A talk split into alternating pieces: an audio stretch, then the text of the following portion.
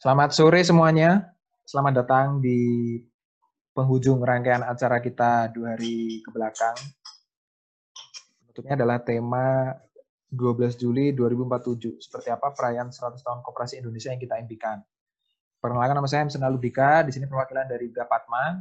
Gapatma ini adalah ya panitia atau penyelenggara dari rangkaian acara peringatan Hari Koperasi 73 yang ditutup di tema pada sore hari ini, Kemarin kita udah bikin empat materi dengan tema kebutuhan pokok, sandang pangan, papan, pekerjaan. Lalu hari ini kita ngomongin masa depan. Tadi siang dengan tema, sorry tadi pagi dengan tema koperasi platform, tadi siang dengan tema koperasi investasi, dan sore ini kita ngomongin 100 tahun koperasi. Nanti akan seperti apa. Di sini telah hadir ada dua pemantik atau narsum ya. Satunya Mbak Kiki Abbas dari Sarumai Ruteng dan GCE Youth Ambassador dari Indonesia. GCE itu Global Cooperative Entrepreneur. Halo Mbak Kiki. Ya itu itu Mbak Kiki. Halo. Yuk. Habis itu ada Kang Ivan. Kang Ivan ini dari Diksi. Diksi adalah pendidikan kooperasi. Uh, halo Kang Iwan. Halo Mas. Ya, CEO Diksi. Ya, di sini kita telah mengundang dua orang ini sebagai ceritanya kooperator muda ya. Orang-orang muda yang berkecimpung di dunia kooperasi. Karena ya tadi kita penutup dari rangkaian acara kita dua hari ke belakang adalah kita berandai-andai dan coba diskusi bareng. Sebenarnya mau jadi apa sih kooperasi ke depan? Makanya kita ngobrol sama anak-anak mudanya. Alur diskusi kita hari sore hari ini adalah sebagai berikut ya. Satu kita akan mulai dari materinya Mbak Gigi dulu, sekitar 20 menit. Setelah itu kita masuk ke materinya Mas Ikhwan, 20 menit juga. Setelah itu kita berlanjut ke tanya jawab dari pertanyaan yang sudah pendaftar sampaikan. Jadi kan kemarin waktu daftar di Google Form sudah ada beberapa pertanyaan, kita bahas dari sana. Baru setelah itu setengah jam terakhir kita akan tanya jawab live dengan peserta-peserta yang ada di sini. Supaya tanya jawabnya lebih terstruktur, kita akan gunakan tools yang namanya Slido. Slido itu apa? Ini aku share linknya ke grup chat. Itu bisa dibuka, silakan. Tapi biar lebih kebayang, aku share screen ya. Jadi Slido itu nanti akan menjadi seperti ini tampilannya. Jadi teman-teman kalau pakai kalau buka link yang tadi aku share, di sini bisa input pertanyaan kayak eh, pertanyaan A kasih nama ya supaya nanti kita kalau mau follow up kayak mungkin pertanyaan kurang jelas atau sudah ditanggapi dan mau ditanggapi balik oleh yang nanya ya misalnya Anggun atau siapa. Sen nanti itu muncul di sini bareng-bareng. Nah ini kalau misalnya yang belum kepikiran mau nanya apa bisa di like aja. Oh ini bagus nih pertanyaannya. Aku like deh. Seperti itu. Jadi nanti aku akan beberapa kali mengingatkan ya buat naruh di Slido karena nanti kalau yang baru join nanti kan chatnya nggak kelihatan. Jadi aku akan beberapa kali merimain untuk memberikan pertanyaan di Slido.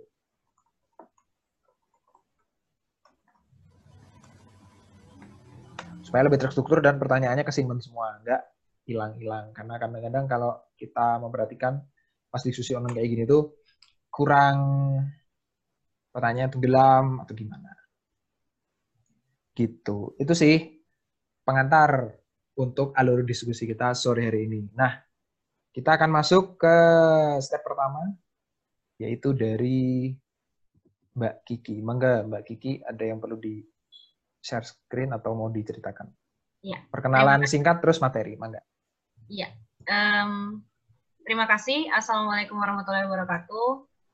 Um, saya dari Ruteng, Manggarai, NTT. Uh, eh, saya uh, GCE Ambassador Global Cooperative Entrepreneurship Ambassador uh, sama Mas Sena kemarin. Jadi um, terima kasih Mas saya sudah diundang buat eh, ngobrol-ngobrol uh, di sini. Uh, Alhamdulillah saya bersyukur sekali. Um, hari ini saya kepengen ngobrol-ngobrol soal mimpi sih, karena memang uh, saya dari awal semenjak masuk kuliah dan ini bertumbuh dari mimpi. Semuanya itu dimulai dari mimpi. Gitu. Uh, saya share screen dulu ya. Oh yes, shit. Hmm.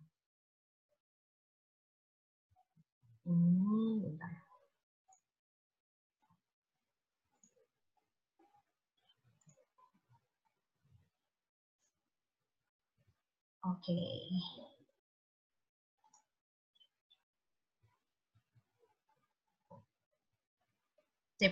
Ini dia uh, semuanya berawal dari mimpi.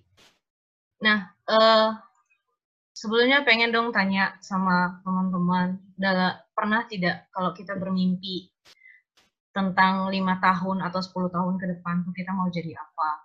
Kemudian pengen punya hidup yang baik, hidup dalam komunitas yang semua orang tuh cukup gitu, tidak ada lagi yang merasa kurang, tidak ada lagi yang ada yang lebih, ada yang kurang, kemudian semua orang bahagia. Kita tidak perlu lagi lihat media sosial yang penuh dengan berita orang-orang kesusahan, terus cerita-cerita sedih tentang orang yang tidak bisa hidup cukup, dan uh, seperti hal-hal yang menyedihkan lain lah, semuanya bahagia gitu. Pernah nggak sih kita bermimpi tentang itu?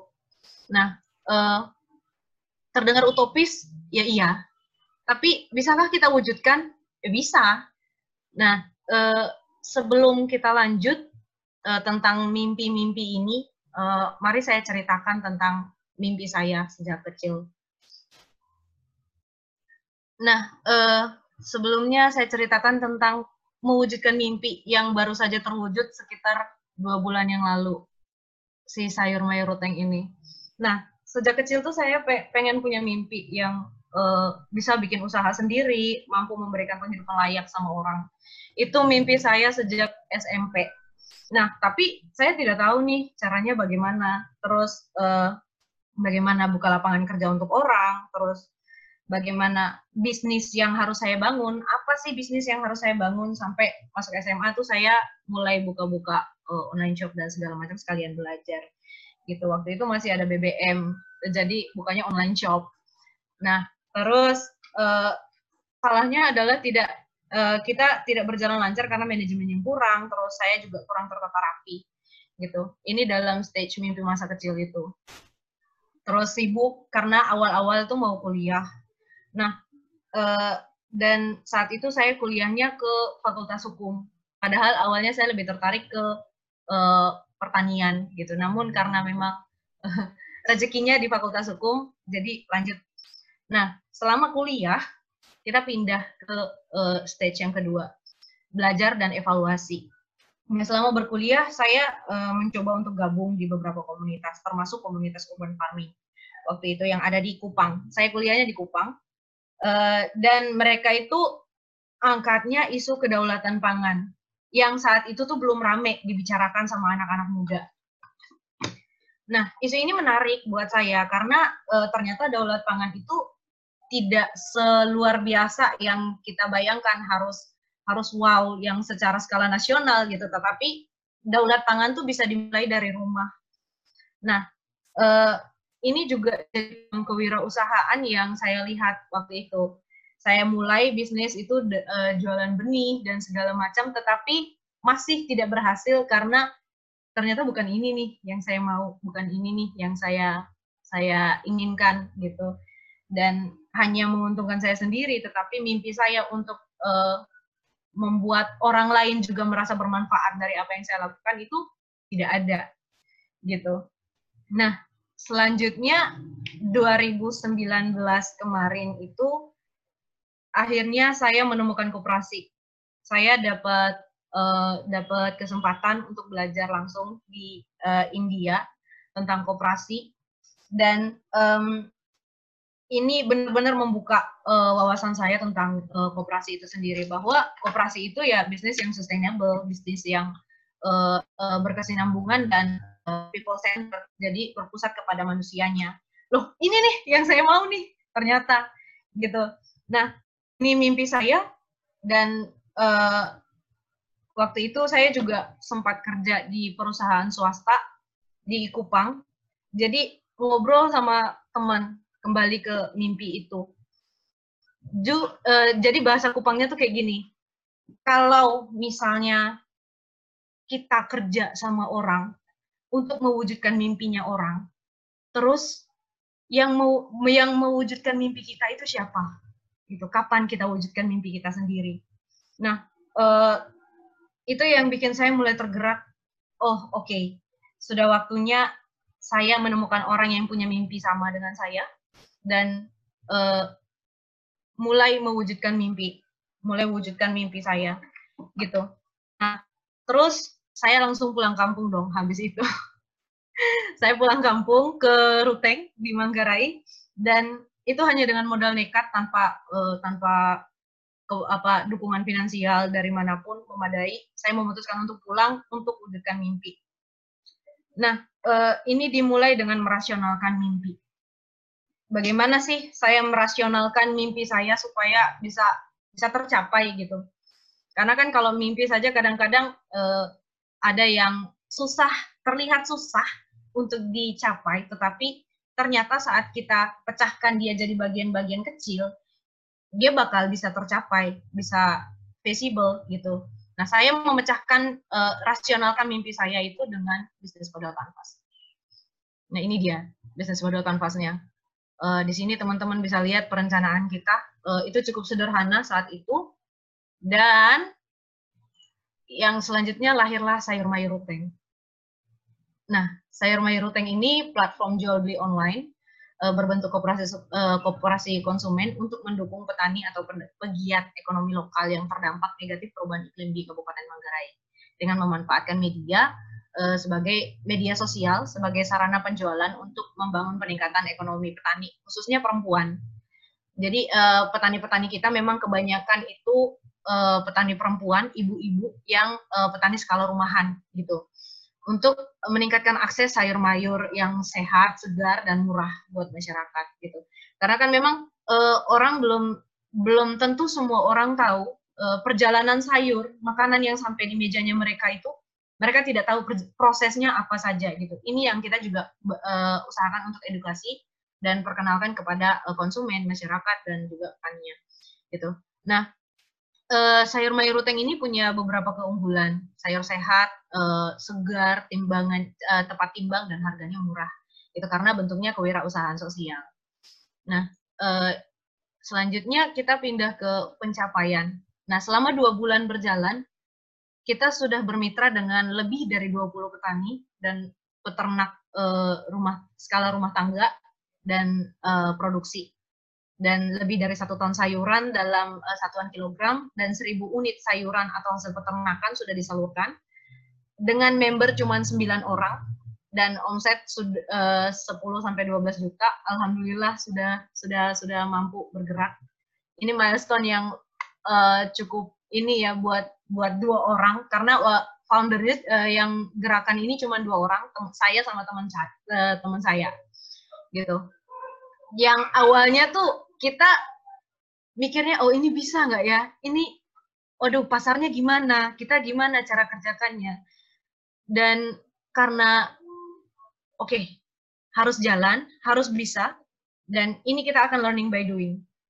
Alhamdulillah sekarang sudah mulai masuk ke bulan ketiga dan bergerak nah dua bulan lebih berjalan uh, kita bukan tidak ada tantangan tantangan itu pasti ada. Tantangannya ya ada merintis dari awal.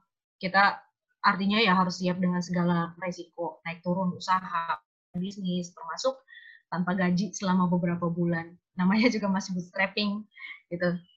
Uh, kemudian model bisnis yang uh, consumer co-op ini kan masih baru. Karena di daerah saya sendiri itu koperasi itu masih lebih banyak dipahami sebagai koperasi simpan pinjam. Jadi dari dari berapa banyak koperasi, sekitar 80-an koperasi yang terdaftar di Kabupaten Manggarai itu, cuman ada beberapa yang eh, satu, dua, tiga, empat, empat koperasi yang di luar koperasi simpan pinjam. Selain itu, semuanya simpan pinjam. Jadi masih ada paradigma koperasi sama dengan simpan pinjam gitu. Nah, itu yang lagi coba kita dekat.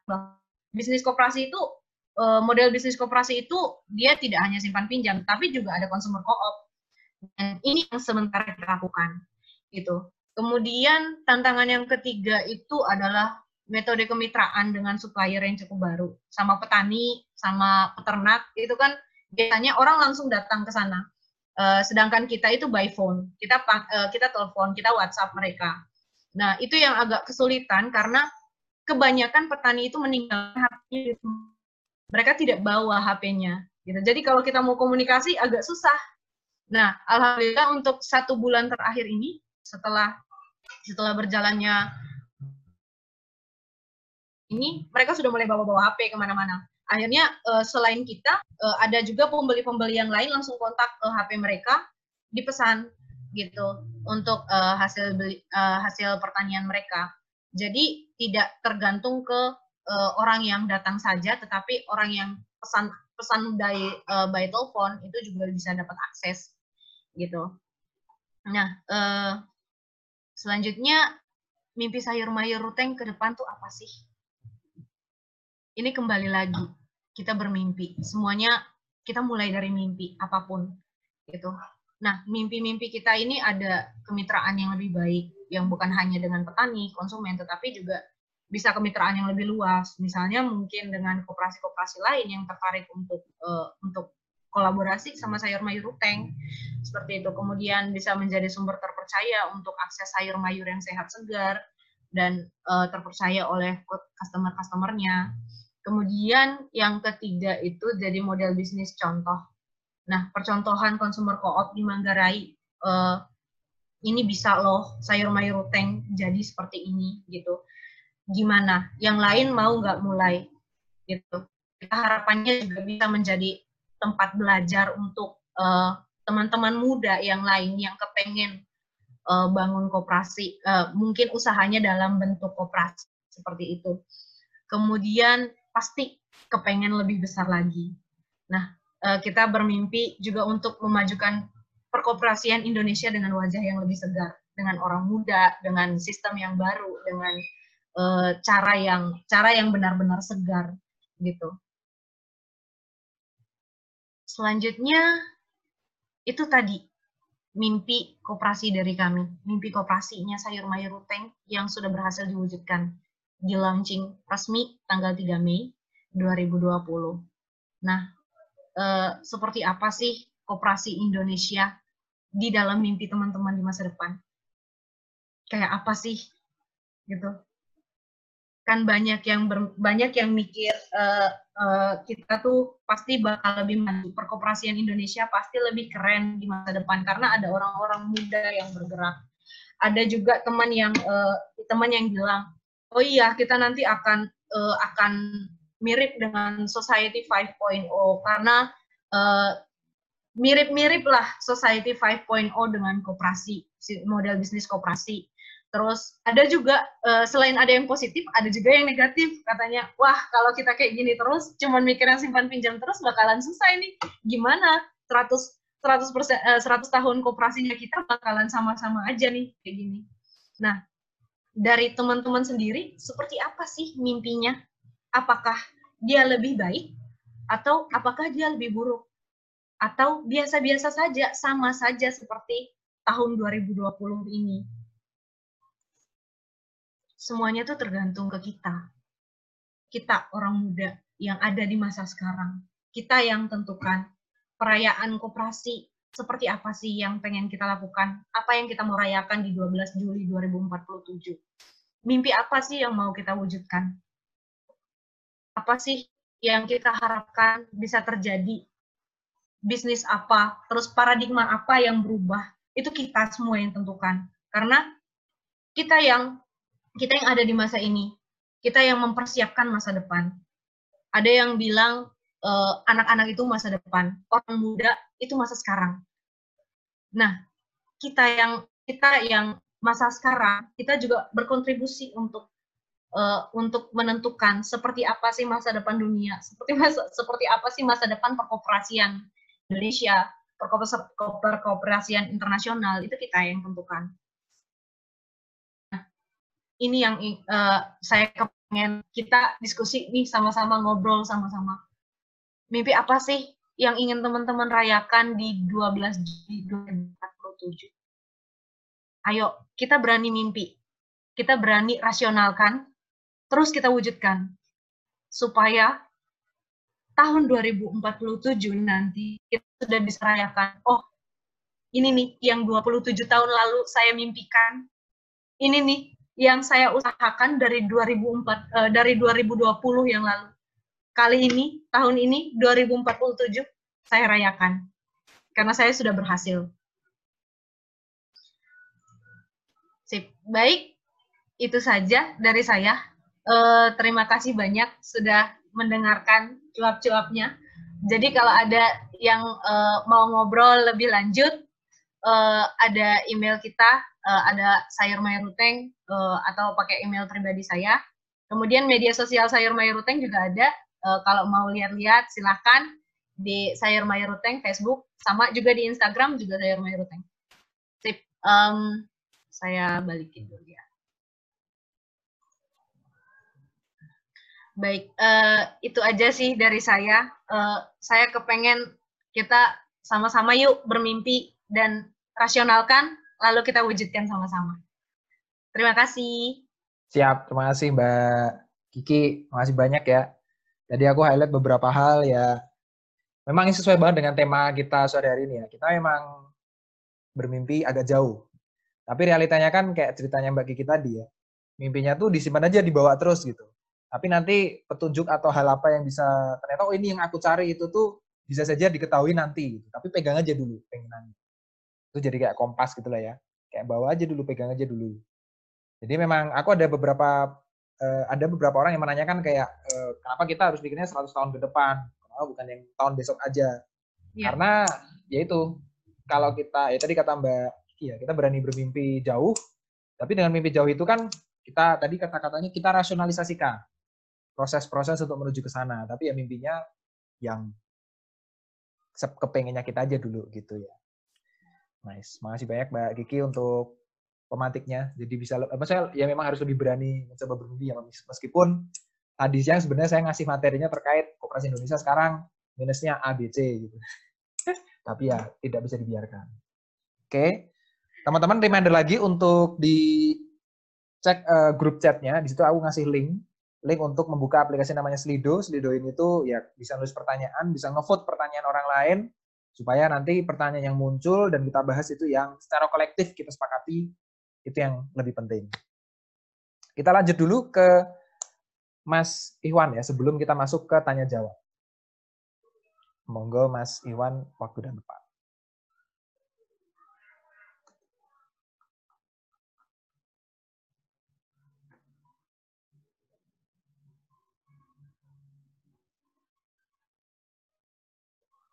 Halo Mas, suara masuk?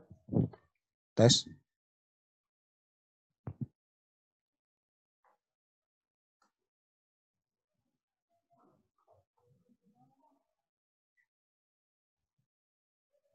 Halo Mas Iwan. Internet mungkin ya? Oh iya benar. Internet kemungkinan. Mau ditunggu dulu sebentar ya. Tadi saya juga sempat kayak gini soalnya. Nah, sudah kembali. Halo Mas Iwan, ready? Masih di mute Mas, di unmute dulu. Udah kedengeran Mas? Sip sip. Udah kedengeran? Oke. Okay. Maaf, barusan hilang wifi-nya. Iya, nggak apa-apa. Tadi aku juga siang sempat kayak gitu, emang ini agak-agak kurang stabil. Tapi ya moga-moga lancar. Uh, silakan Mas Iwan boleh diperkenalkan dulu uh, intro singkat tentang dirinya, lalu bisa masuk ke materi.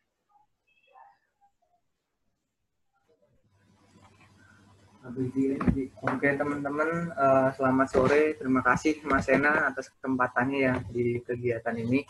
Di sini uh, dikasih judul yang itu tema yang jauh banget nih, seperti apa perayaan 100 tahun Kooperasi Indonesia ya, yang akan kita impikan. Dan untuk sekarang, teman-teman, uh, selamat Hari Koperasi yang ke-73 ya. Semoga apa yang kita cita-citakan kemarin sedikit terlaksana sekarang dan kita lanjutkan di tahun-tahun berikutnya. Selamat Hari Oke, Koperasi. Uh, perkenalkan juga uh, nama saya Iwan Ferdian Widiarto. Uh, kebetulan sebagai regional hub ICCI di Lampung, saya asli orang Lampung, cuman sukunya Jawa. Jadi mukanya bukan muka orang Lampung. Terus saya sebagai founder Sigir Innovation Hub, yaitu sebuah inkubator startup co-op yang ada di Lampung. yang kurang lebih udah hampir satu tahun berjalan dan CEO dari platform Diksi yang mungkin teman-teman juga uh, kemarin sempat ikut kegiatan, Mas Yana juga uh, kita saling berbagi dan berkolaborasi. Ya, jadi uh, di sini akan sedikit bahas tentang 100 tahun Koperasi Indonesia yang kita impikan. Yang pertama uh, saya akan bahas bahasanya uh, mungkin uh, yang aku alami beberapa tahun ini lima tahun berkooperasi uh, hari kooperasi itu masih masih jauh banget dari apa yang uh, notabene aku yang generasi milenial impikan gitu. Sedangkan uh, inovasi itu udah udah sangat banyak misalnya uh, aplikasi-aplikasi segala macam uh, terus uh, platform-platform co-op terus dan sebagainya inovasi di bidang-bidang lain tuh amat sangat banyak gitu. Tapi uh, di kita di koperasi itu uh, apa namanya kita masih sangat jadul lah bisa dibilang jadul banget. Kalau kalau aku sendiri mengenalin koperasi ke teman-teman yang lain itu menganggap uh, koperasi itu apa sih? Gitu. Ya sama seperti yang tadi mbak mbak Kila ngomongin ya bahasanya koperasi itu kebanyakan simpan pinjam koperasi itu buruh koperasi itu nyelewengin uang macam-macam uh, pandangan dari tiap-tiap orang gitu. Apalagi uh, orang-orang tua gitu memandang anak muda berkooperasi itu uh, bukan rekomendasi banget gitu. Terutama yang mungkin di di Lampung. Dan itu uh, dialami banget bahasanya teman-teman ketika aktif di kooperasi itu dianggapnya kayak ya ngapain gitu kooperasi itu bukan hal yang menarik lah dan itu kan uh, sebagai seorang uh, anak milenial gitu pengen juga dia uh, sedikit dibanggakan Nah, tapi kenyataannya mindset masyarakat itu masih buruk banget terhadap koperasi gitu. Makanya uh, di sini uh, sedikit memaparkan uh, dari awal ya bahasanya inovasi koperasi itu sangatlah penting gitu. Jadi uh, aku ingin uh, bahas sedikit bahasanya tadi kita udah jelasin bahasan inovasi koperasi di berbagai sektor ya uh, itu sudah mulai muncul mengikuti perkembangan di sektor-sektor uh, corporate lainnya, misalnya uh, startup-startup yang lain, gitu. Koperasi mulai tumbuh dengan uh, sedikit beradaptasi dengan mereka, gitu. Walaupun kita bukan pioner, tapi seenggaknya kita nggak terlalu terlambat, gitu. Terus ya ini uh, dari ICCA juga kemarin uh, Mbak Novita udah ikut platform co-op uh, di Amerika dan kita kemarin juga sempat sedikit mengenalkan ke beberapa teman-teman wilayah di Purwokerto, di Jogja, di Lampung, terus di Bali waktu itu sama di Bandung tentang saraf koop. Jadi uh, untuk merubah citra kooperasi atau merebranding kooperasi kita sudah mencoba mengenalkan walaupun itu konsep baru tapi uh, kita coba kenalin ke teman-teman milenial bahwasanya ada loh startup koop gitu kalau ngenalin kooperasi dengan konsep uh, kayak ayo gabung kooperasi simpan pinjam, ayo gabung kooperasi uh, pasar atau kooperasi pertanian gitu. Uh, anak muda itu uh, notabene mereka kebanyakan mengeluh ini ketika aku mau gabung kooperasi nelayan atau kooperasi pertanian di mana kooperasi uh, produsen itu segmented ya. Jadi kalau dia nggak bukan bukan seorang yang aktif di bagian nelayan atau aktif di pertanian, dia amat sangatlah susah untuk bergabung. Jadi emang emang susah banget mendapatkan ruang bagi anak muda untuk berkooperasi gitu. Maka dari itu uh, kita bareng-bareng dalam sebuah gerakan ICCA ingin coba menggeliatkan bahasanya uh, kalian bisa membuat kooperasi jenis baru yaitu startup co-op dengan model bisnis berbagai macam gitu. Dan yang di mana startup itu kan tren yang lagi gaul-gaul banget tuh. Anak muda kalau startup itu uh, keren gitu lah jadi uh, ingin kita ambil momentumnya untuk merebranding koperasi melalui konsep startup of selanjutnya uh, jadi hal-hal itu uh, kita coba ambil dari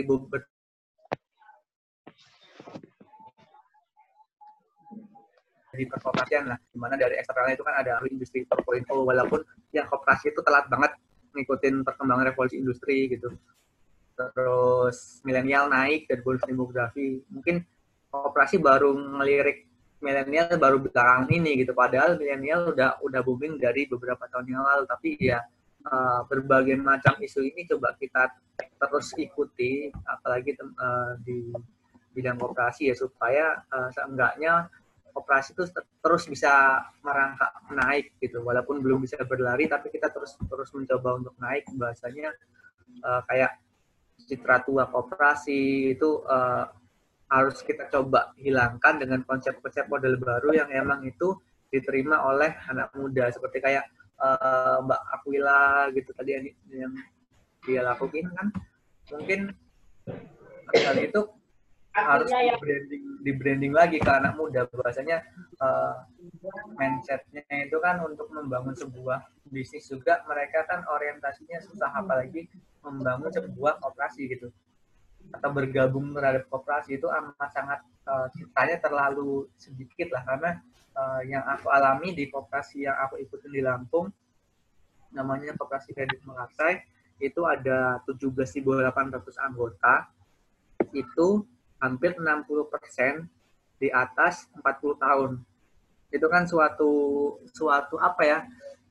Uh, mungkin sekarang belum jadi masalah ya, belum belum jadi masalah sekarang. Cuman uh, mungkin 5 sampai 10 tahun lagi mungkin itu bakal jadi suatu panti jompo bagi anggotanya gitu karena emang nggak ada daya tarik ke anak muda anak muda mau ikut koperasi pinjam ngapain gitu maka dari itu uh, yaitu uh, sebuah inovasi itu memang sangat diperlukan untuk apalagi untuk mencapai impian kita ya di suatu tahun koperasi nanti gitu.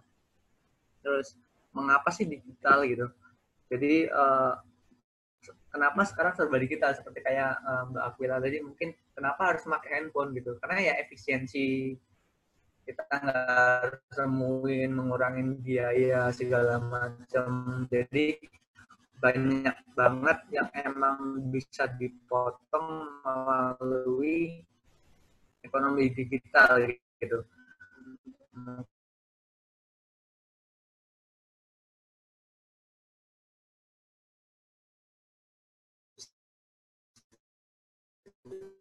Halo Mas, internetnya agak hilang.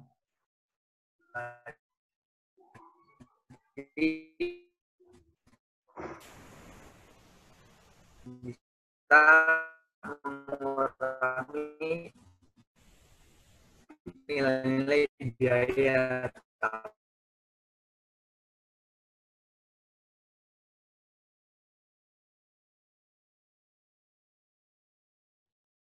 Oke, kita tunggu dulu ya. Halo Mas. Halo Mas, tadi kepotong pas beberapa detik sebelumnya. Di sini udah udah tadi Ya tadi kenapa tadi sampai kenapa internet seperti contoh Mbak Kiki. Nah, sampai situ. Oke, uh, ya tadi uh, seperti contoh Mbak Kiki ya, bahasanya penggunaan handphone segala macam itu kan bisa mengurangi biaya.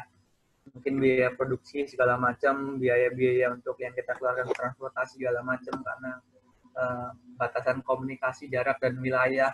Jadi dengan konsep digital kita bisa mengurangi biaya-biaya itu sehingga uh, sebuah produksi itu jadi lebih efisien. Tapi dengan adanya kooperasi tingkat produksi yang diefisiensi itu tidak mengurangi nilai-nilai kemanusiaan. Jadi uh, dengan anggota yang sebagai pemilik mereka nggak terdisrupsi daripada apa kemajuan teknologi gitu. Jadi uh, ketika teknologi itu berkembang itu ketika suatu usaha itu dimiliki bersama itu nggak usah khawatir karena kita juga ngerasain efeknya gitu.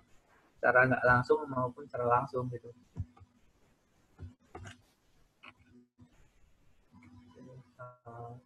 Terus uh, untuk sekarang ini mungkin di tahun-tahun yang kena pandemi ini ya inovasi kooperasi dari segi, segi organisasi mungkin bisa dilakuin kayak RAT online karena adanya pandemi terus membuat grup WA anggota kan kebanyakan kooperasi itu uh, masih nggak nggak pakai WA dengan efektif. Bahkan uh, yang aku ikutin aja grup WA koordinator aja nggak ada gitu. Jadi komunikasi emang harus ketemu. Jadi uh, hal-hal ini ya yang memaksa mereka sebenarnya untuk bergerak uh, lebih cepat lah. Pandemi ini ada ya bisa disyukuri lah bagi teman-teman kooperasi karena secara nggak langsung ini uh, mencut mereka untuk untuk berinovasi untuk bergerak lebih cepat gitu. Jadi uh, ya mau nggak mau mereka yang uh, apa notabene generasi di atas kita yang belum terlalu melek terhadap teknologi mau nggak mau mereka harus dipaksa mau nggak mau mereka harus kenal zoom mau nggak mau mereka harus uh, belajar via online gitu jadi uh, beruntungnya covid itu uh, kepada untuk perkembangan kooperasi mungkin di, dari, dari segi perkembangan teknologi gitu. Terus ini kemarin kita bareng ICCI di ICCI membuat sebuah kuesioner ya, di mana ada 1050 responden mengatakan uh, eh, 53% itu uh, bahwasanya inovasi penting.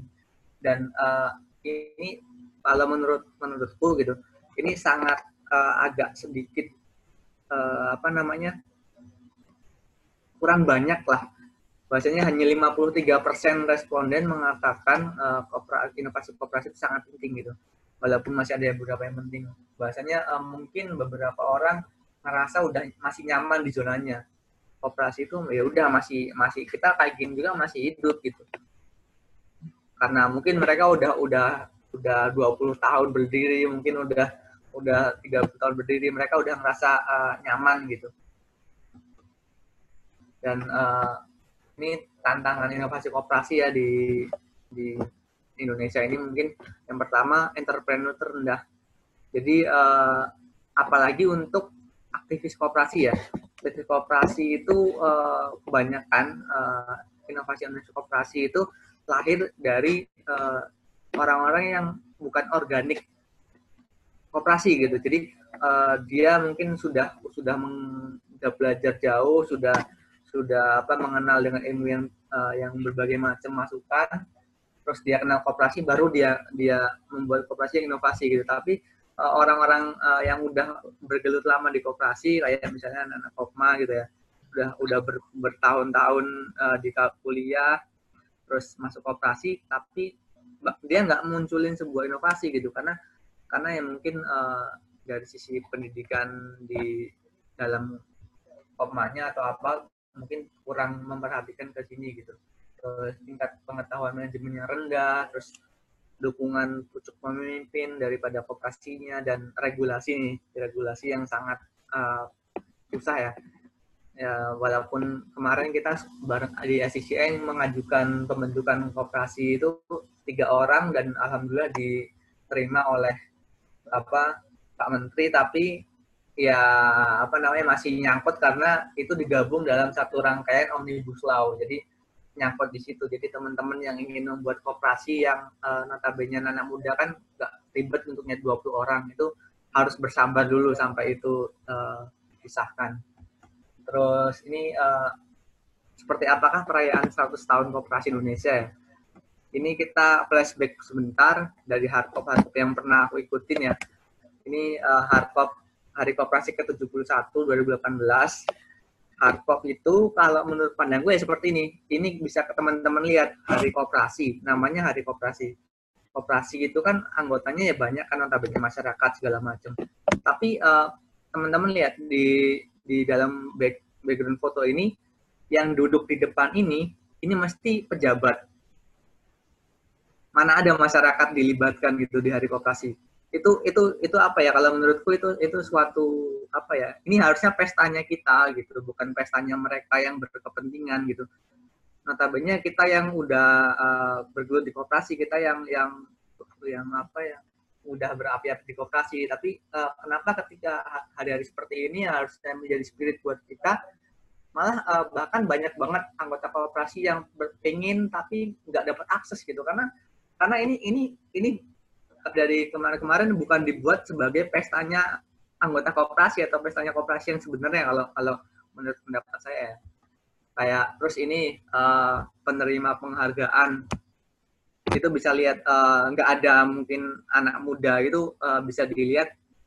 Ya hanya paling satu pun nggak tahu ya. Kemarin kemarin sih ada kayaknya satu atau dua orang gitu hari koperasi yang 72 ini. Tapi uh, ini alangkah apa ya uh, ketika anak muda, anak muda gitu dengan dengan sebuah uh, apa namanya mungkin Mbak Mbak Aquila juga sudah membuat sebuah terobosan tentang kooperasi segala macam cuman cuman uh, apresiasinya itu malah diberikan terhadap teman-teman yang sudah apa lebih senior itu enggak terjadi sebuah ketimpangan menurut kalau menurut pendapat saya terjadi sebuah ketimpangan bahwasanya uh, seharusnya uh, ini pesta yang bisa dinikmati oleh seluruh apa aktivis koperasi seluruh anggota koperasi. Jadi hari koperasi itu kalau, harapan saya ya ya uh, kalau bisa nggak seperti ini gitu. Terus uh, ini hari koperasi itu kan uh, hanya kayak sebuah simbolis.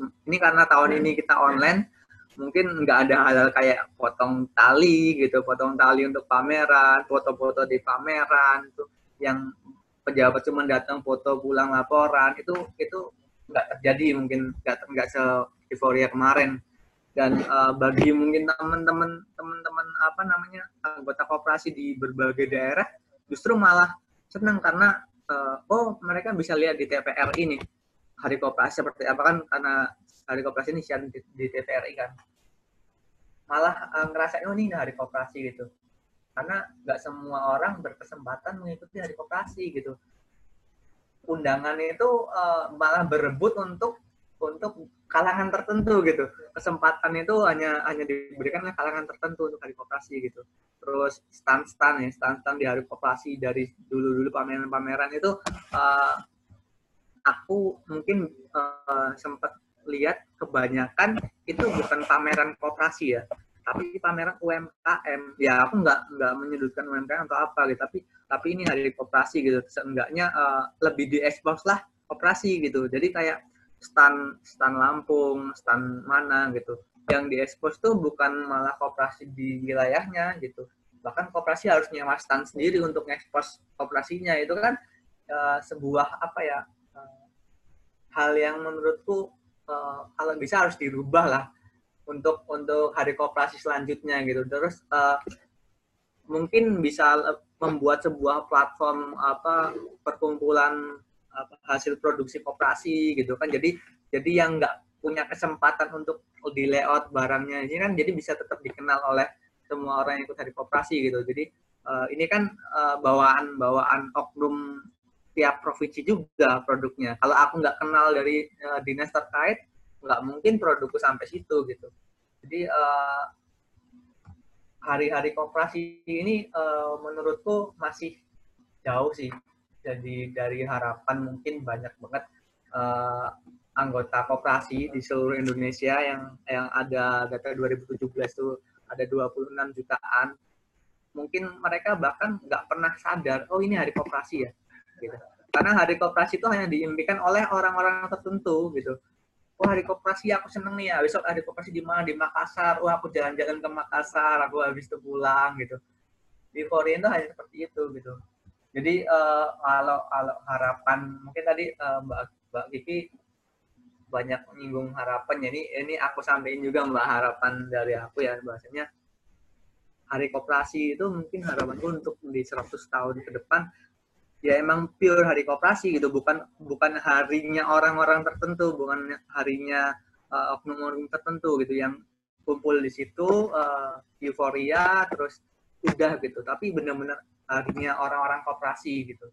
Terus pameran itu uh, uh, kita rebranding koperasi dong. Bukan bukan rebranding UMKM walaupun walaupun uh, notabene kita tetap tetap sama-sama entitas bisnis.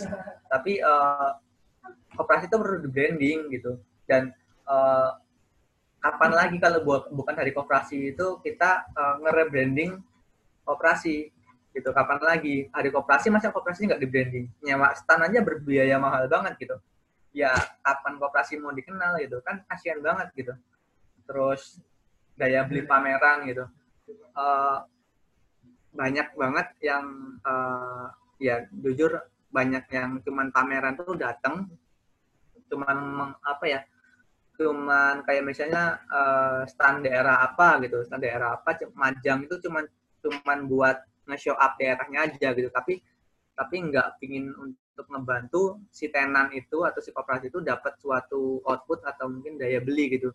Ya kalau emang nanti acaranya untuk untuk oknum tertentu ya karena itu oknum yang mungkin berada ya diwajibin aja dia kak untuk untuk top up saldo mungkin nanti uh, ke depan bahkan apa pembeliannya lewat lewat apa apa namanya online gitu lewat yang dibentuk oleh operasi atau kasakti atau apa nanti produk-produknya jadi uh, top up dulu dong kalau mau ikut ini, kalau emang mau ikut hari koperasi, habis itu beli produk koperasi gitu.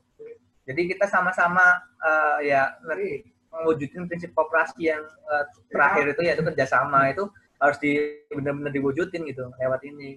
Terus penerimaan penghargaan koperasi itu harusnya ya uh, kita ajak lah untuk untuk anak-anak muda yang berprestasi kayak Mbak Kiki, Mas Ena diberikan kesempatan untuk untuk untuk sebagai role model bahasanya uh, ini loh anak muda pun ada yang berprestasi di koperasi gitu. Karena uh, apa ya kita untuk anak muda yang lain perlu role model gitu. Mungkin uh, uh, aku sendiri uh, mencontoh role modelnya siapa yang Mas Ena atau yang Mbak Kiki mungkin ada setiap orang punya punya uh, mungkin role model masing-masing. Dan itu itu itu penting gitu untuk ada role model. Inovasi koperasi aja kalau nggak ada role modelnya aku bingung. Aku harus belajar ke mana?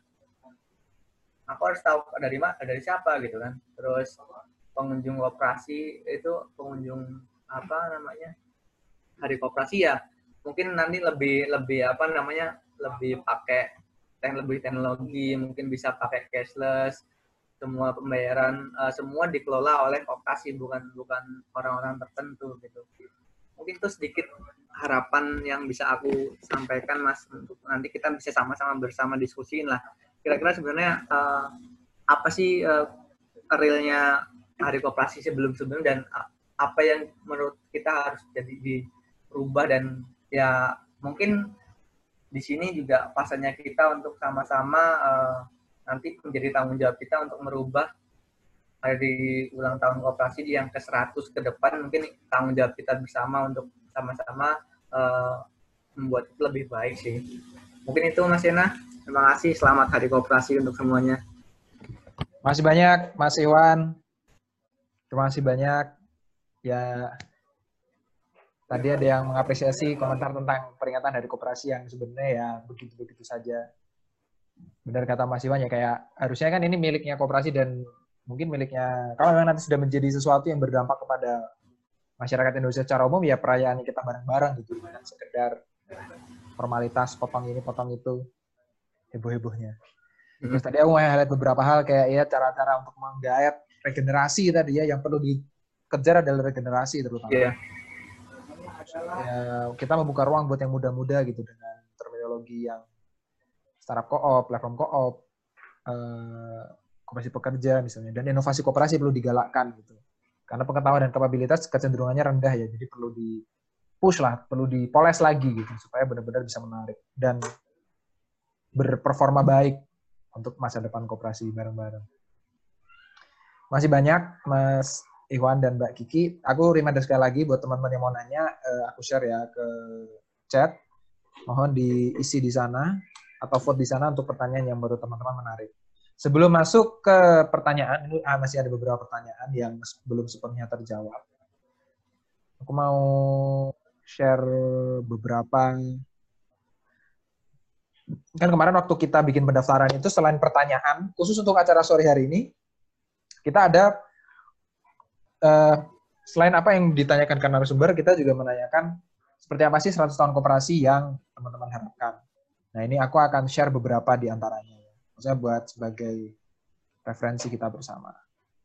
Di luar itu nanti mungkin kalau kita masih cukup waktunya di akhir ya teman-teman yang hadir di sini juga bisa bercerita bayangan kawan-kawan terhadap hari koperasi yang ke-100 nanti akan seperti apa. Jadi pertanyaannya adalah, ya seperti apa perayaan 100 tahun koperasi yang teman-teman bayangkan? Ini beberapa jawaban.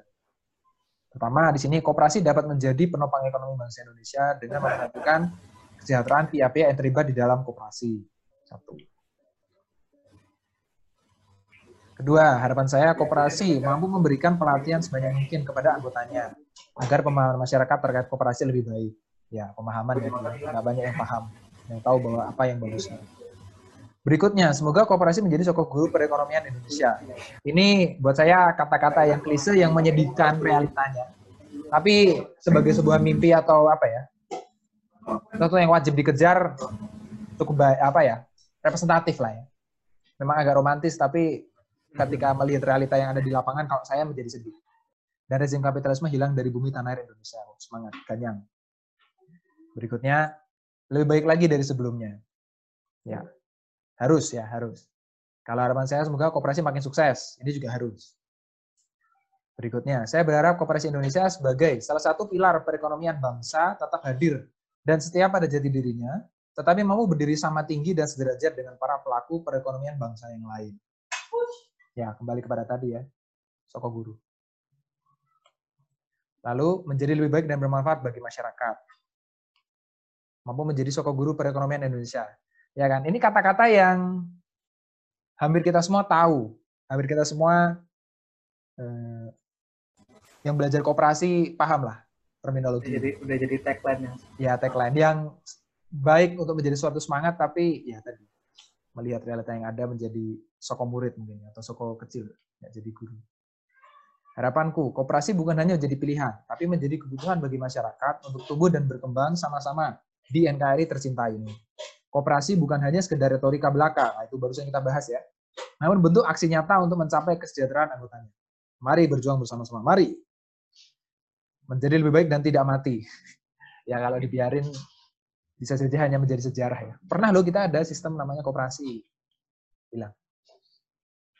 Lebih baik, lebih maju dan tidak tertinggal.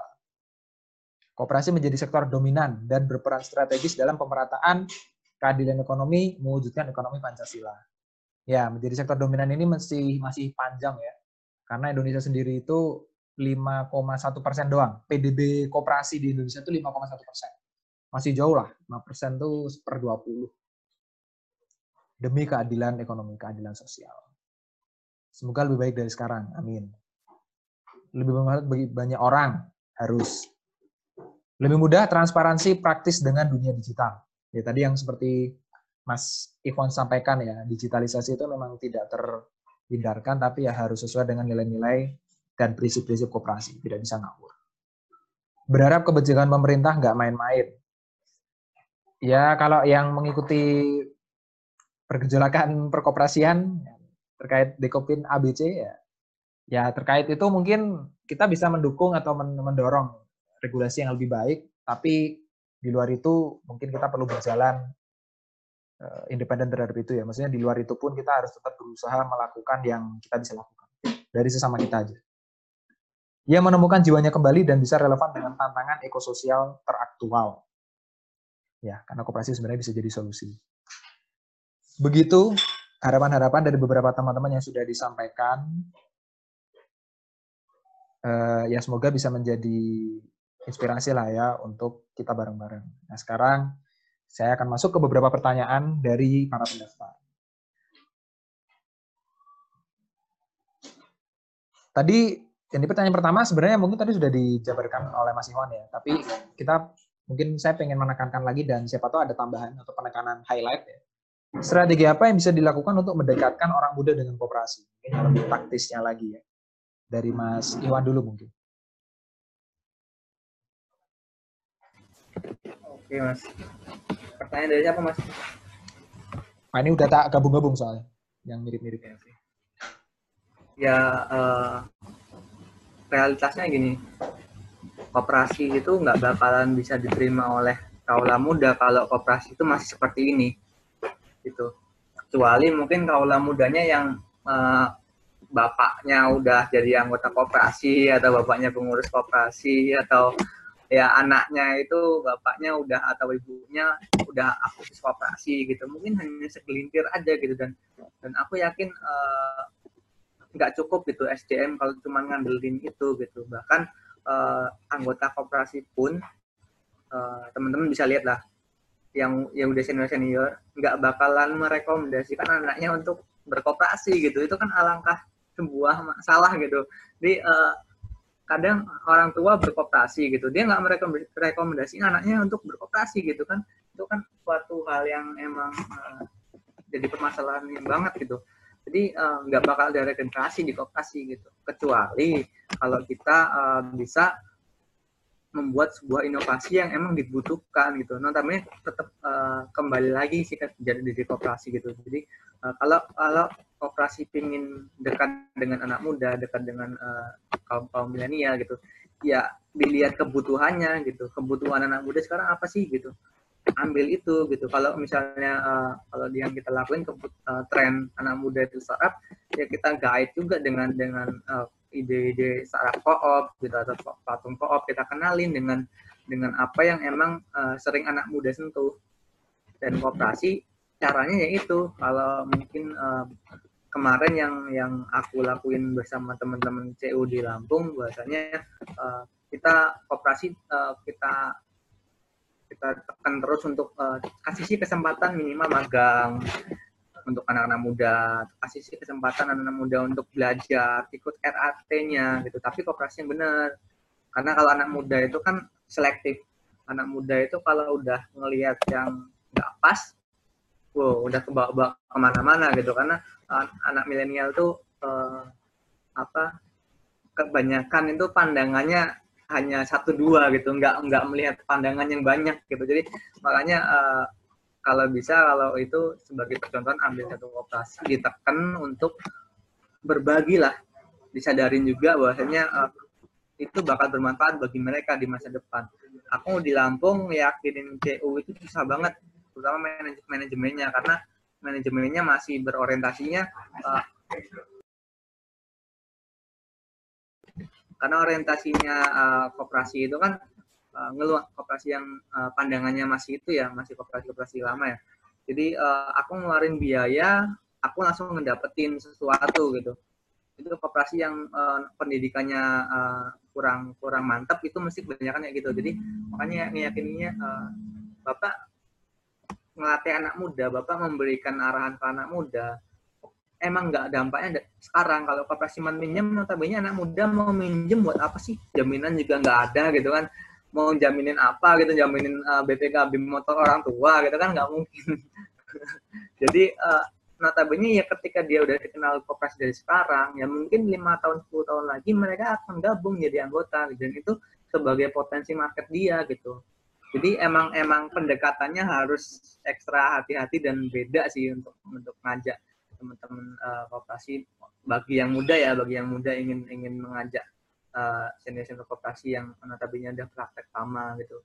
Jadi emang emang emang butuh proses yang lama. Aku juga kemarin uh, aku harus gabung dulu di kooperasi nunjukin bahasanya aku bisa aktif bisa uh, berkontribusi itu uh, satu tahun setengah lah baru bisa ikut kegiatan yakinin anak-anak kopma itu bisa dimasukin magang di sana satu bulan. Walaupun uh, magangnya ya cuman diajak keliling tapi seenggaknya uh, teman-teman mungkin teman-teman adik-adik di kopma ngerasa bahwasanya oh ini loh koperasi masyarakat.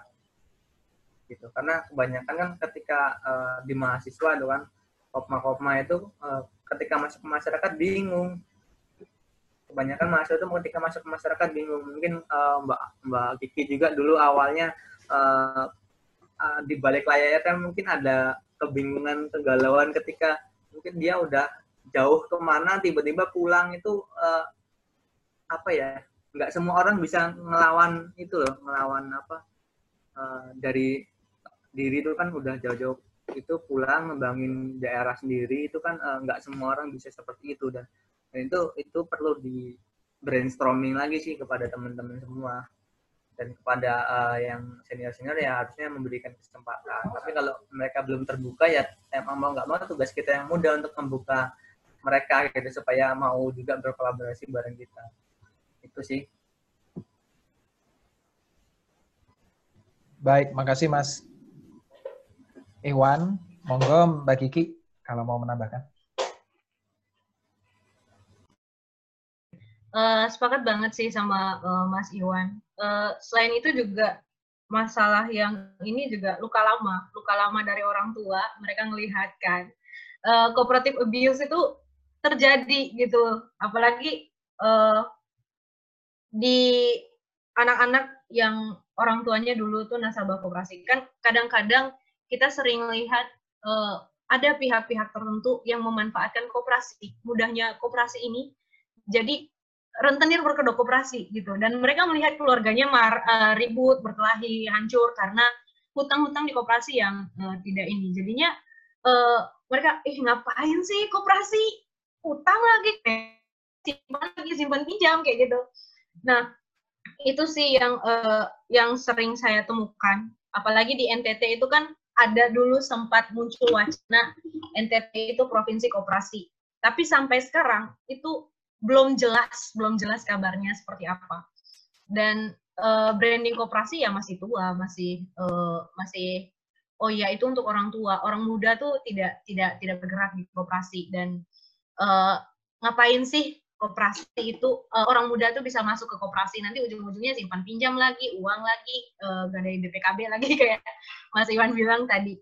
Nah memang uh, buat saya rebranding itu jadi kunci sih rebranding dan edukasi edukasi untuk anak muda gitu karena memang uh, di uh, di NTT sendiri pembicaraan tentang koperasi apalagi anak muda itu sangat sangat rendah kopra kopmaknya saja itu ala kadarnya lah gitu Padahal itu bisa jadi bisa jadi peluang yang bagus untuk kita uh, kembangkan. Oh ya, koperasi itu sebenarnya bisa seperti ini, koperasi itu bisa seperti itu. Gitu. Namun memang belum dimanfaatkan. Jadi ya memang harapannya ke depan bisa lebih dimanfaatkan lagi peluang-peluang yang ada melalui akses-akses kopma, terus mungkin juga pendidikan-pendidikan formal, kita juga mesti perkenalkan koperasi dan um, lebih uh, kasih wawasan yang lebih luas gitu bahwa koperasi itu ya bukan hanya yang disebutkan di dalam undang-undang saja, tetapi sekarang koperasi sudah berinovasi, koperasi sudah bisa lebih luas lagi dan itu bisnis uh, model bisnis yang sangat keren, sustain dan uh, anak muda banget gitu. Jadi gimana sih caranya? Ayo kita sama-sama gerak. Itu aja sih. Makasih. Masih Mbak Kiki. Berikutnya adalah kalau menurut Mbak Kiki dan Mas Iwan, seperti apa sih tatanan ekonomi yang demokratis? Sebenarnya seperti apakah ekonomi yang demokratis itu? Boleh dari Mas Iwan dulu deh. Uh, mungkin kalau tatanan demokrasi apa ekonomi yang demokratis ya. Jadi mungkin kebanyakan teman-teman yang um, aktivis kooperasi yang sampai uh, sampai anti kapitalis gitu kan kan banyak sih gitu. Kalau menurutku uh, uh, kapitalis itu juga sebuah uh, apa ya kalau nggak ada kapitalis kooperasi juga nggak nggak dipecut untuk maju gitu. Jadi uh, demokratis itu lebih ke sebenarnya paling nggak ketimpangan ketimpangan antar masyarakat itu nggak terlalu jauh gitu. Karena mungkin di beberapa negara mungkin di, di kita juga kan masih ngerasa uh, ada yang miskin miskin banget ada yang ada yang kaya kaya banget. Jadi uh, kalau ada demokrasi ekonomi walaupun uh, apa namanya mungkin sekarang banyak platform yang uh, saling bantu segala macam gitu.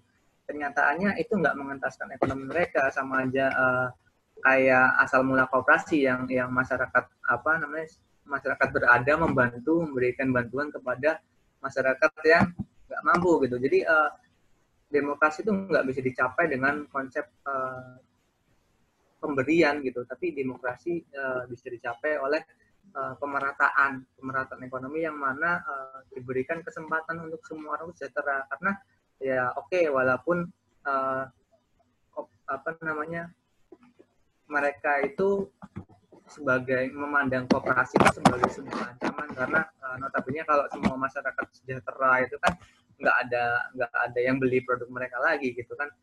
Uh, tapi notabene uh, kita perlu perlu sosok-sosok seperti itu juga untuk memacu uh, sebuah sebuah perubahan gitu sebuah perubahan. Jadi uh, kita nggak mungkin kenal internet tanpa ada seorang yang yang yang pribadi yang nggak kooperatif yang emang dia pengen merubah hidup sendiri gitu. Kita uh, emang emang emang perlu adanya kolaborasi antar berbagai pihak. Intinya itu sih. Jadi uh, kita bisa sama-sama mewujudkan sebuah pemerataan ekonomi uh, mengurangi ketimpangan jarak itu uh, apa namanya tidak terlalu tinggi antara yang bawah dan yang atas itu itu itu menurutku yang namanya demokrasi itu seperti itu Terima kasih Mas Iwan. Mangga Mbak Kiki. Uh, sama sih.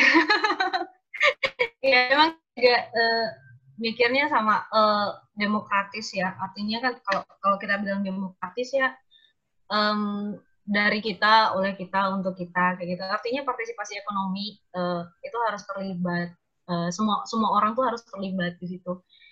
Uh, namun memang pada kenyataannya belum maksimal sih di kalau kita lihat ya terbukti sama orang yang masih ada kaya banget ada yang miskin banget.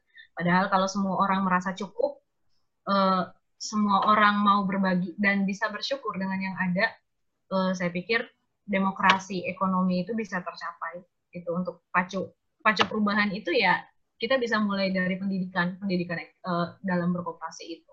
Dan saya pikir kooperasi ini juga bisa jadi jalan untuk uh, kita bisa merasa cukup dengan apa yang ada dan bisa uh, ngasih partisipasi ke orang-orang yang orang-orang uh, yang memang uh, bisa uh, apa namanya orang-orang yang uh, perlu untuk kita libatkan di dalam uh, di dalam perubahan ekonomi ini gitu aja. Nice, makasih Mbak Kiki. Jadi ini saya simpan dulu ya untuk pertanyaan yang lanjut-lanjut yang dari pendaftar. Kita akan masuk ke pertanyaan yang di Slido dulu. Yang di Slido saya buka ya. Kalau teman-teman masih mau nambahkan bisa. Slido. Yang atas dulu ya. Koperasi konsumen itu apa ya? Nah, Mbak Kiki, silakan. Ya. Makasih Kak Omaywa ya namanya. Omaywa. ya, Omaywa. Um, koperasi konsumen. Ya sih kalau koperasi konsumen sih secara sederhana ya, itu koperasi yang menjual kebutuhan-kebutuhan anggotanya dan biasanya uh, itu lebih murah dari harga pasaran untuk membernya sendiri. Uh, saya pikir itu aja sih. Secara sederhana kita jelaskannya. Makasih. Oke. Om Aiwa masih ada di ruangan ya? Mungkin mau menambahkan Om Aiwa atau cukup? Mangga kalau mau ditanggapi Om Aiwa Om Aiwa belum oke okay. sip Ya, kesimpulannya itu ya, intinya adalah kooperasi yang memang menyediakan kebutuhan anggotanya. Kita lanjut. Aku, aku nambahin bentar, Mas. Oh ya, nambahin boleh, Mas. Untuk kooperasi konsumen ya. Jadi hmm. uh, takutnya uh, banyak karena banyak teman salah kaprah terhadap uh, apa ya? Apa yang mereka dapatkan dari kooperasi biasanya kan uh, kalau beberapa orang kan mindsetnya kan SHU ya gitu. Tapi banyak banget orang yang nggak tahu arti sebenarnya dari SAU. Jadi kayak uh, kebanyakan kan kooperasi konsumen seperti mungkin Mbak Mbak Kiki lakuin feedback yang diberikan ke anggota itu harga murah gitu. Tapi banyak banget anggota yang nggak yang nggak ngelihat itu bacanya itu juga salah satu SAU yang dibagikan secara langsung. Hmm, ya ya. Uh, salah banyak banget salah kaprah di situ. Jadi netnya kok apa namanya uh, SAU Aetan kecil sih gitu tapi mereka nggak lihat harga murah tapi ketika harga dinaikin SAU-nya besar mereka juga protes nih kalau kalau apa namanya harganya mahal gitu jadi uh, kadang itu sih pen, makanya pendidikan untuk anggota tuh penting makanya pendidikan koperasi ya sesuai dengan yeah. backgroundnya Mas Iwan oke okay. ya itu salah satu bentuk ya maksudnya berarti istilahnya kayak timbal baliknya itu tidak harus SHU besar gitu ya. Iya, Tapi otomatis benar. ketika transaksi tadi contohnya Mbak Kiki bilang harga lebih murah untuk anggota itu sudah menjadi benefit yang sudah didapatkan oleh anggota gitu ya. Oke, kita lanjut. Satu lagi, setuju Mas setuju sama Mas Iwan terkait Harkopnas banyak seremonial pameran expo. Saya setuju sama Bung Firdaus bahwa perlu ada lomba inovasi koperasi. Oke, monggo Mas Iwan kalau mau nambahin.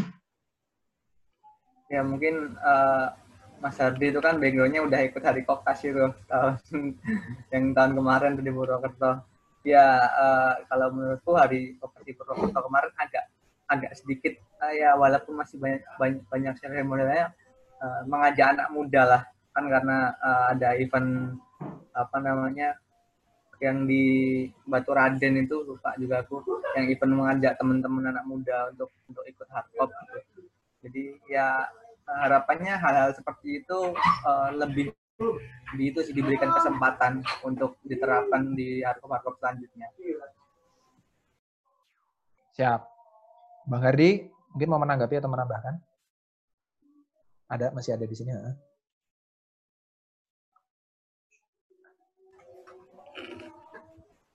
Atau cukup? Oh, chat. Siap, lanjut. Baik, kalau begitu ini bisa saya lanjutkan. Nah, berarti kalau di sini sudah, saya masih ada pertanyaan untuk proses menuju closing ya. Tapi sebelum proses menuju closing ini, saya mau nge-share sesuatu dari panitia, yaitu adalah kita lagi eh, bahasa kerennya fundraising ya, pada sebenarnya jualan. Jadi begini, intronya adalah dapat main ini kan media koperasi, media koop. Kita sekarang masih voluntary lah pergerakannya. Jadi maksudnya kita ngadain acara seperti ini, eh, ada tim desainer yang nge-create baju, nge-create poster, semuanya itu masih free, masih voluntary. Tapi kita pengennya ini menjadi sesuatu yang berkelanjutan gitu. Jadi bukan cuma bergantung pada donasi, bergantung pada donasi maksudnya uang dan waktu dari para anggotanya, tapi benar-benar bisa sustain dan membayar dengan layak meskipun mungkin nanti belum full time. Ini adalah effort kita untuk melangkah menuju sana. Kita bikin merchandising, kita bikin kaos, namanya kaos Gapatma. Ini seri pertama, desainnya seperti ini, kira-kira warnanya cuma hitam ya, tampak depan, tampak belakang. Di sini pun kita pesannya ke kooperasi gitu. Jadi ada namanya kooperasi Orde Baju. Dia adalah bagian dari kooperasi muda kerja. Kita pesannya ke mereka. Ya, karena kita pengen saling support. Link pesan kaosnya aku taruh ya di grup kalau pada mau beli. Ini bukan wajib, ini lebih ke memang usaha kita supaya berikut-berikutnya nanti lebih proper gitu loh, proper kepada yang diundang langsung, kepada teman-teman. Eh, bisa lebih rutin lagi membuat hal seperti ini. Kira-kira seperti itu. Nanti kita akan buka ini sebenarnya semingguan lah buat open pre-ordernya. Nanti akan kita taruh juga di akun IG-nya kita, tapi ya teman-teman kalau ada yang mau buka, detailnya ada di link yang aku kasih di grup ya, kalau mau dibuka silakan. Mohon dukungannya, tapi ini memang bukan paksaan, maksudnya kalau yang mau silakan semangat ya untuk sama-sama sebagai uh, memori dan pegangan lah buat pengingat nanti demokrasi ekonomi. Itu dari kami, Gapatma. Berikutnya adalah pertanyaan sebelum terakhir, kedua sebelum terakhir ke Mbak Kiki dulu. Sama ya sebenarnya buat dua-duanya, tapi mungkin nanti Mbak Kiki bisa menjawab dulu. Kan tadi kita udah bermimpi nih, lumayan jauh ya, 100 tahun operasi. Jadi kayak 27 sekitar 27 tahun lagi. Kira-kira kalau mimpinya kan tadi sudah sudah tersampaikan ya beberapa ya. Kita pengennya begini, bisa seperti itu, bisa seperti ini. Tapi kalau dalam konteks langkah yang terdekat yang bisa kita lakukan, berarti mungkin diperkecil deh skopnya setahun ke depan atau 2-3 tahun ke depan. Apakah yang sebenarnya bisa kita lakukan? Monggo dari Mbak Kiki.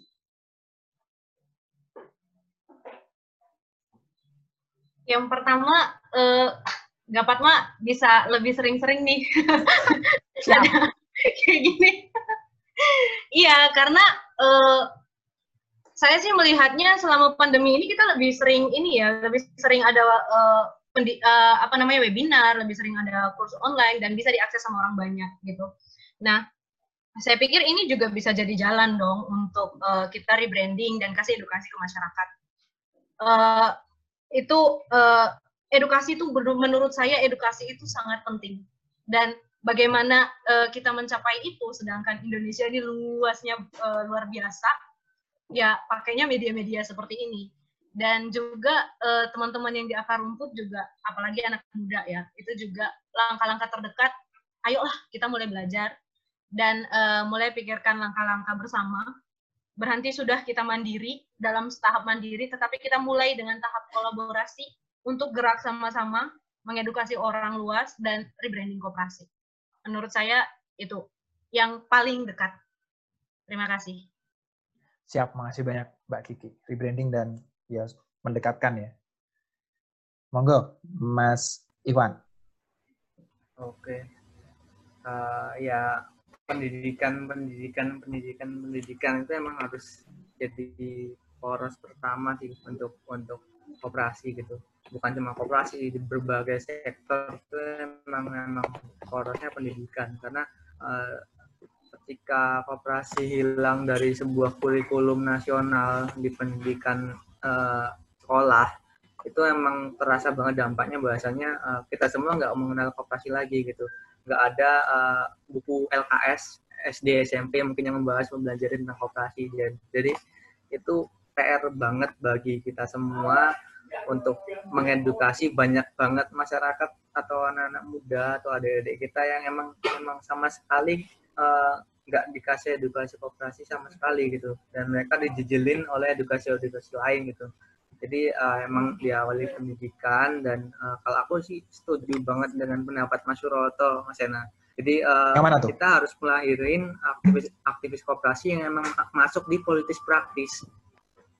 Gitu loh. Jadi uh, regulasi itu nggak bakal bisa dirubah kalau uh, apa lebih susah dirubah. Mungkin uh, hardcop juga kalau emang emang di dalamnya masih masih apa namanya orang-orang itu itu aja atau yang pola pandangnya itu itu aja atau yang yang sebagai generasi juga kader mereka yang di kader seperti itu gitu nggak bakalan uh, berubah lah gitu jadi uh, notabene uh, emang pendidik orang yang udah mendapat pendidikan dengan bagus emang harus uh, kita arahin juga untuk ke situ untuk apa untuk merubah tatanan ini gitu karena uh, ya kita kebanyakan tertinggal itu karena karena emang kebanyakan masalah regulasi. Terutama uh, masyarakat kita kalau udah kebentuk regulasi itu kan banyak banget yang kayak nyerah duluan lah nggak sesuai regulasinya nggak mendukung segala macam gitu.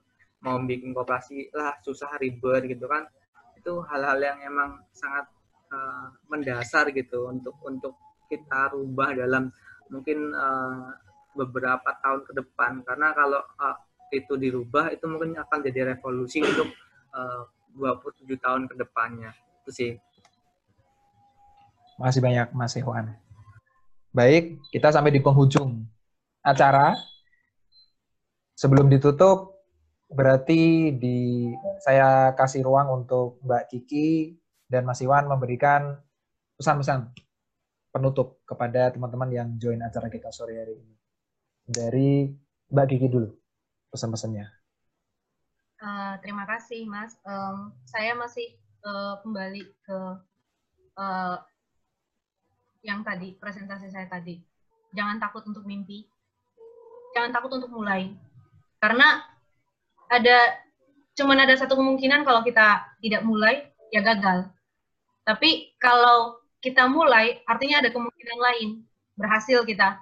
Dan uh, mimpi 27 tahun lagi uh, kita yang tentukan orang-orang yang ada sekarang ini. Bukan orang-orang di masa lalu bukan bukan orang-orang di masa depan tapi kita yang tentukan kita yang desain uh, seperti apa sih 27 tahun lagi? Seperti apa sih 50 tahun lagi? Kita yang mulai dari mana edukasi belajar sama-sama berbagi kolaborasi. Mimpi rasionalkan aksi. Terima kasih Jos. Lanjut, Mas Iwan.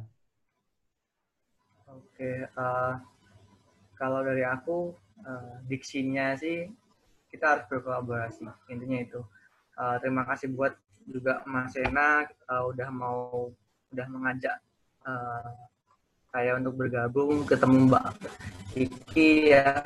Jadi uh, harapannya juga kita semua bisa berkolaborasi sih karena uh, kalau kita berjuang sendiri-sendiri ya sama aja kita nggak berkooperasi gitu. Kooperasi kan memang awalnya dari kerjasama. Kata dasarnya aja artinya kerjasama gitu. Jadi uh, harapannya mungkin uh, ke depan bareng Mbak Kiki bareng Mas Ena bareng mungkin Mas Adi Mas Bima ada Mas Bimo Mas Andi sama-sama nanti bisa uh, bareng-bareng mungkin kita bisa membuat sebuah inovasi bareng-bareng.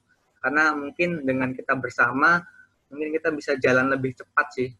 Karena mungkin uh, dari dari kita belum bersama mungkin banyak banget kendala dengan kita bersama saling bertukar informasi belajar kita bisa mewujudkan uh, mimpi-mimpi kita bareng-bareng. Karena uh, notabene aku yakin ketika bahasanya udah ini dan semua ikut berpartisipasi mesti uh, pola pandangnya emang udah satu mimpi sih.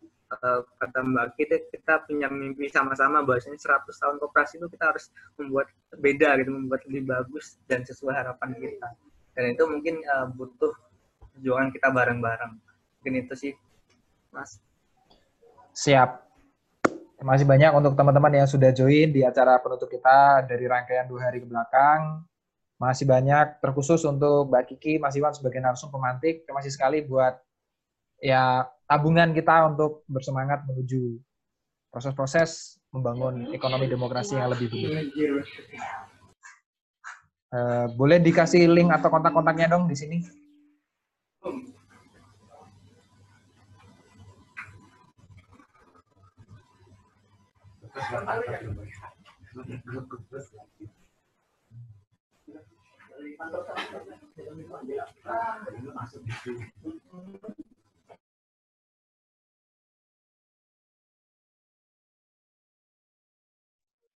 Mbak Kiki atau Mas dan Mas Iwan bisa naruh uh, kontak di chat. Siapa tahu teman-teman ada yang mau menghubungi.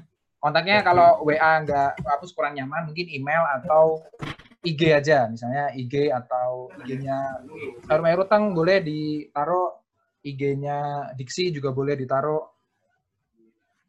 email, FB misalnya.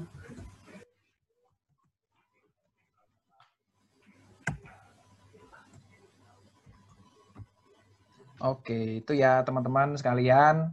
Kalau mau dikontak, bisa dicek Mas Iwan dan Mbak Kiki. Sampai jumpa lagi di kesempatan berikutnya. Pantengin akunnya Gapatma ya, kalau misalnya kita ada acara-acara berikutnya. Semoga bisa lebih rutin lagi dengan tema-tema yang lebih pas lagi. Kalau teman-teman ada usulan, kontak aja lewat DM Instagram. Terima kasih Selamat dari Koperasi ke-73. Selamat dari Koperasi. Yuk, sampai jumpa lagi di acara berikutnya. Makasih banyak. Ya, pada duluan aja. Ini aku closingnya masih agak nanti. Siapa tahu ada yang mau kopas kontak-kontaknya atau link-link yang dikasih. Duluan aja nggak apa-apa yang mau duluan. Terima kasih Mas. Yuk. Selamat hari koperasi. Dadah. Udah. Aku masih di sini dua menitan lah ya. Siapa tahu ada yang mau ngambil-ngambil kontak.